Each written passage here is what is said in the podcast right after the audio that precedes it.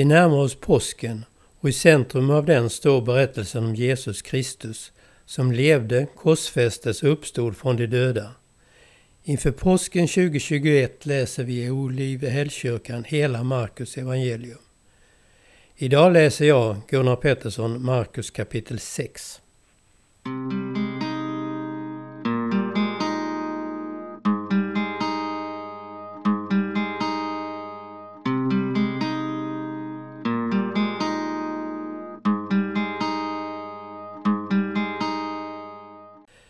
Profet i sin hemstad.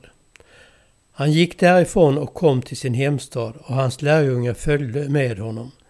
När det blev sabbat undervisade han i synagogan och de många som hörde honom häpnade och sa Var har han fått detta ifrån?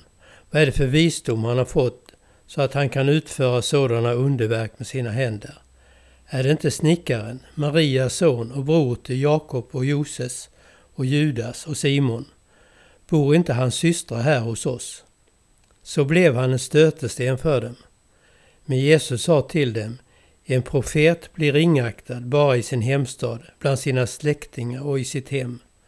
Han kunde inte göra några underverk där, utom att bota några sjuka genom att lägga sina händer på dem. Och han förvånade sig över att de inte ville tro. De tolv sänds ut. Han vandrade från by till by i trakten däromkring och undervisade. Han kallade till sig de tolv och sände ut dem med två och två och gav dem makt över de orena andarna. Och han sade åt dem att inte ta med sig något mer på vägen än en stav, inget bröd, ingen påse och inga pengar i bältet. Sandaler fick de ha, men inte mer än en skjorta.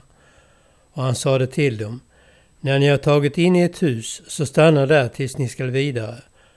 Och är det någon plats som inte vill ta emot er och inte vill höra er, så fortsätt därifrån och skaka av er dammet under era fötter. Det ska vittna mot dem. De gav sig iväg och predikade att alla skulle omvända sig och de drev ut många demoner och smorde många sjuka med olja och botade dem. Johannes döparens död Hans namn hade nu blivit känt och kung Herodes fick höra att folk sade Johannes döparen har uppstått från de döda. Det är därför dessa krafter verkar genom honom. Men några sade att han var Elia, andra att han var en profet, en i raden av profeter. När Herodes hörde detta sa han Johannes, han som jag lät halshugga, det är han som har uppstått. Herodes hade nämligen låtit gripa Johannes och sätta honom i fängelse. Anledningen till det var Herodias, hans bror Filippus hustru. Henne hade han gift sig med. Och Johannes hade sagt till Herodes, det är inte tillåtet för dig att leva ihop med din brors hustru. Därför var Herodias förbittrad på honom och ville döda honom, men kunde inte. Ty Herodes hade respekt för Johannes, som han visste var en rättfärdig och helig man och skyddade honom och när han hade hört honom kände han sig mycket osäker och ville höra mer av honom. Men en dag kom hennes tillfälle och det var när Herodes firade sin födelsedag med ett gästabud för sina stormän och överstarna och de främsta i Galileen. Herodias dotter kom då in och dansade så att Herodes och hans gäster blev förtjusta. Kungen sa till flickan Be mig om vad du vill och du ska få det. Och han lovade och svor, vad du än ber mig om ska jag ge dig, om det så vore halva mitt rike. Då gick hon ut och frågade sin mor, vad ska jag be om? Hon svarade, Johannes döparens huvud. Flickan skyndade in till kungen och bad honom, jag vill att du genast ger mig Johannes döparens huvud på ett fat. Kungen blev bedrövad, men för edens och gästernas skull ville han inte säga nej till henne, utan skickade en livvakt med befallning att hämta Johannes huvud. Soldaten gick och halshögg honom i fängelset och kom sedan med hans huvud på ett fat och gav det åt flickan. Och flickan gav det åt sin mor. Men när Johannes lärjungar fick reda på det kom de dit och hämtade hans döda kropp och lade den i en grav. Mat åt 5000 Apostlarna samlades hos Jesus och berättade för honom om allt de hade gjort och vad de hade undervisat om. Han sa till dem, följ med mig bort till en öde trakt så att vi får vara ensamma och ni kan vila er lite. Det var så många som kom och gick att de inte ens fick tid att äta. De gav sig av i båten till en öde trakt för att vara ensamma. Men man såg att de for och många fick veta det och från alla städerna skyndade folk dit till fots och han före dem.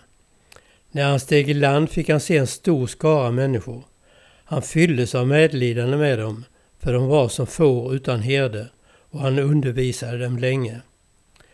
När det redan var sent på dagen kom lärjungarna till honom och sa Trakten är öde och det är sent. Låt dem ge sig av så att de kan gå bort till gårdarna och byarna häromkring och köpa sig något att äta. Han svarade Ge dem något att äta ni själva. Ska vi gå och köpa bröd åt dem för 200 denarer och ge dem att äta? frågade de. Han sa, hur många bröd har ni? Gå och se efter. De tog reda på det och sa, fem bröd och så två fiskar.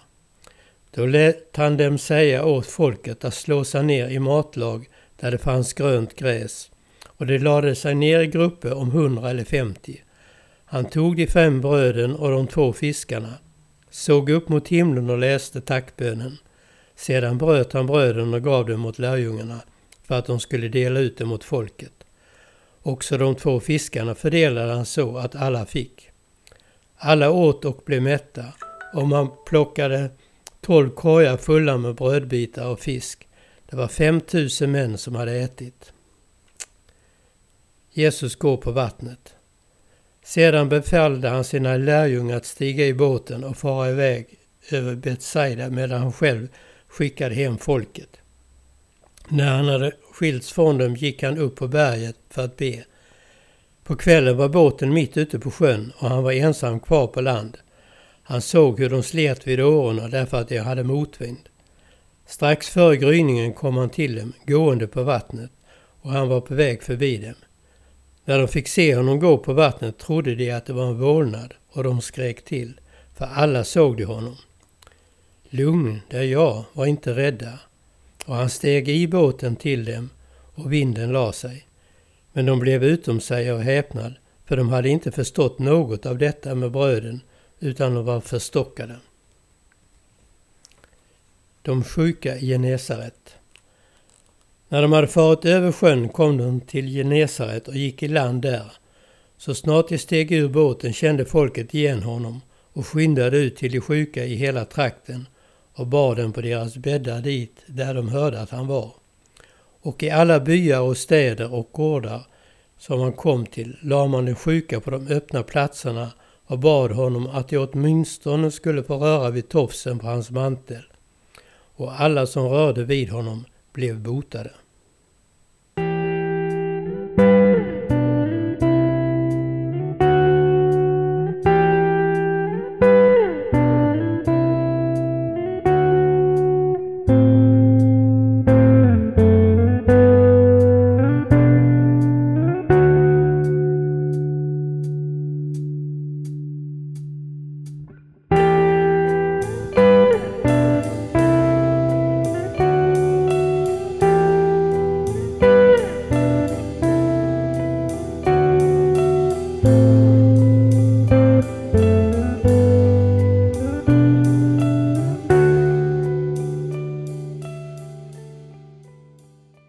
Tack kära Herre att du kom hit till jorden för att rädda oss.